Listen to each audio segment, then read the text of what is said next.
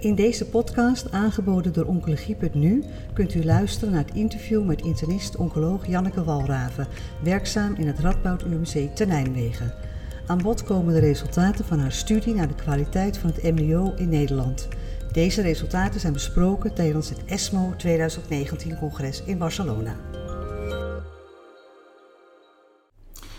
Janneke Walraven, jij hebt hier op de ESMO een poster uh, die in de posterdiscussie gaat komen en je hebt ook uh, recent een artikel geschreven dat bijna uh, gepubliceerd of gepubliceerd is. Bijna gepubliceerd is. Nou ja, is gepubliceerd. Ja. Of is al gepubliceerd, ja. ik erop achter. over het MDO rondom kankerpatiënten in de oncologisch MDO zou ik maar zeggen. En wat was eigenlijk de aanleiding om daar een onderzoek naar het MDO te gaan doen? Nou, eigenlijk um, toen ik in opleiding nog was tot oncoloog, en toen kwam ik erachter dat uh, die MBO's eigenlijk heel veel van je tijd vragen. Um, al in opleiding, maar nu ik specialist ben, merk ik dat dat nog steeds uh, meer uh, vraagt. Um, en je ziet als de MDO's die blijven toenemen doordat het aantal patiënten met kanker toeneemt en omdat er steeds meer ook multidisciplinaire behandelopties zijn, worden patiënten ook vaker besproken.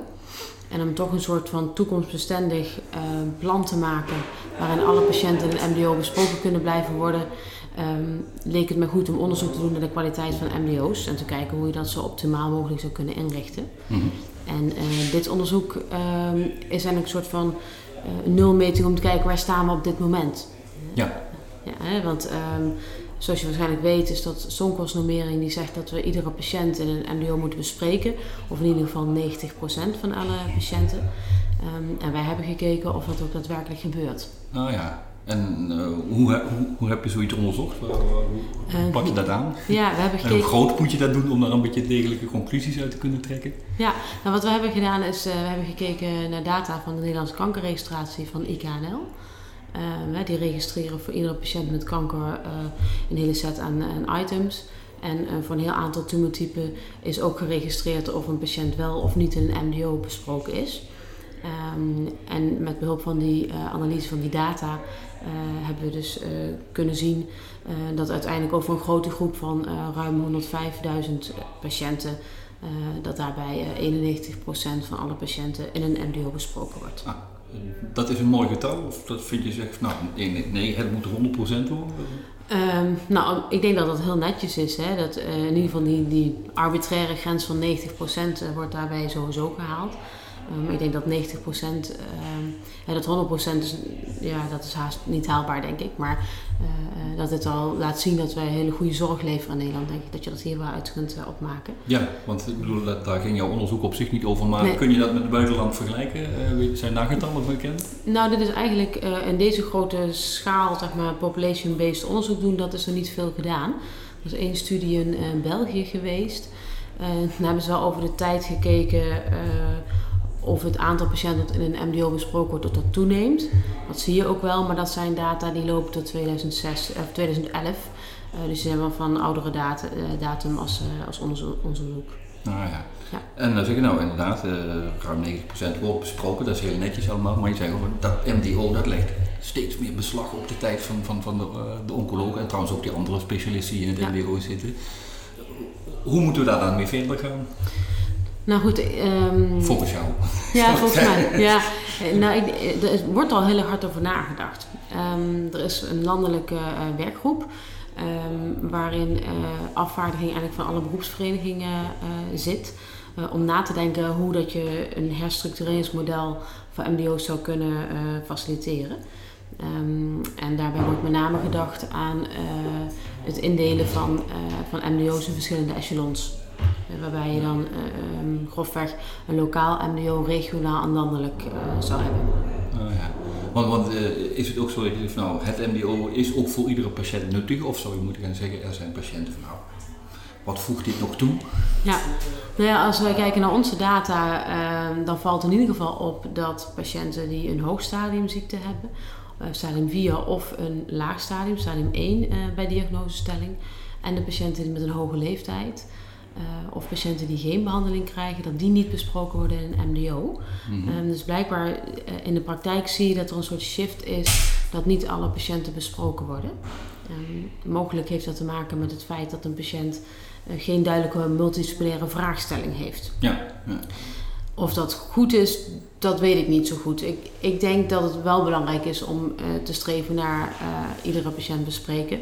Juist in dit tijdperk, waarin er gewoon steeds meer mogelijkheden zijn die je anders wellicht over het hoofd zou zien. Hè? Een, een, potentieel patiënt waarvan je denkt die kan alleen maar chemotherapie krijgen, die kan wellicht ook nog wel een, een radiotherapeutische RFA-behandeling toch zinvol zijn. Je hebt ongeveer het idee dat de standaardpatiënt nee, niet, niet eens meer bestaat. Iedereen heeft wel zijn eigen, ja. is waar toch een andere discipline is, even mee moet kijken. Ja, precies. En, zeggen, en op het moment dat je dan die herstructurering doorvoert en je probeert dat een patiënt direct op de juiste plek besproken wordt en niet dubbel.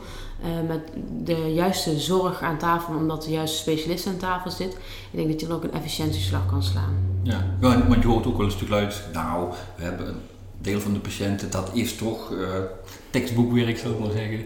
En het protocol volgen, waarom zouden we daar nog... Uh, maar het idee is toch meer van, van jouw kant, ook die patiënt, kijk toch even met... Ja, en sommige kan misschien ook wel vrij kort. Hè. Je hoeft niet over iedere patiënt een kwartier te discussiëren.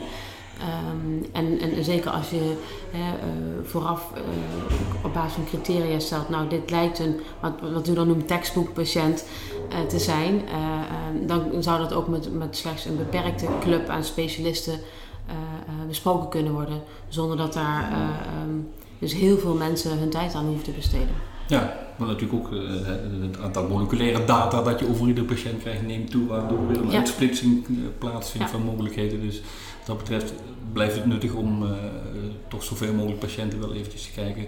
En wie moet je er dan bij hebben? Wat, wat, Precies, ja. En, en um, ja, gaan we dat redden? is daar ook iedereen mee bezig om te zeggen dat moeten we herstructureren. Maar we willen wel zo goed mogelijk blijven doen. Ja, dat denk ik wel. Hè. Um, als je ziet uh, binnen die werkgroep 2. NWO 2.0 is daar gewoon echt wel draagvlak voor. Um, maar zoiets kost wel tijd. Hè. En ja. het is een, uh, hè, we gaan een, een soort uh, grofweg een, um, een, een, voorstel geven van hoe dat je zou kunnen inrichten. Maar uiteindelijk zal het per regio zal dat een eigen draai aan moeten worden gegeven. Dus je moet kijken met je eigen samenwerkende partners, ziekenhuizen en omgeving hoe dat je dit uh, voor jouw regio goed kan vormgeven. Ja, ja. en, en uh, ga je daar qua onderzoek ook nog iets aan, zeg maar, uh, de vinger aan de pols houden of zo? Doe, doe, je dit over een tijdje nog een keer over en zeg van hoe staan we dan? Nou, dat laatste zou zomaar kunnen, ja. En het eerste, ik denk het wel. we willen wel ook, um, ik werk naast dat ik in het rapport werk ook bij het IKNL. Um, we willen ook wel echt onderzoek gaan doen um, binnen een pilot uh, om te kijken of die herstructurering van MDO's, ja, wat het nou oplevert. Oké, okay, lijkt me leuk. Daar kunnen we over een paar jaar nog een keer over praten. Graag, ja. Bent u geïnteresseerd in meer podcasts? Deze zijn te vinden op de website oncologie.nu.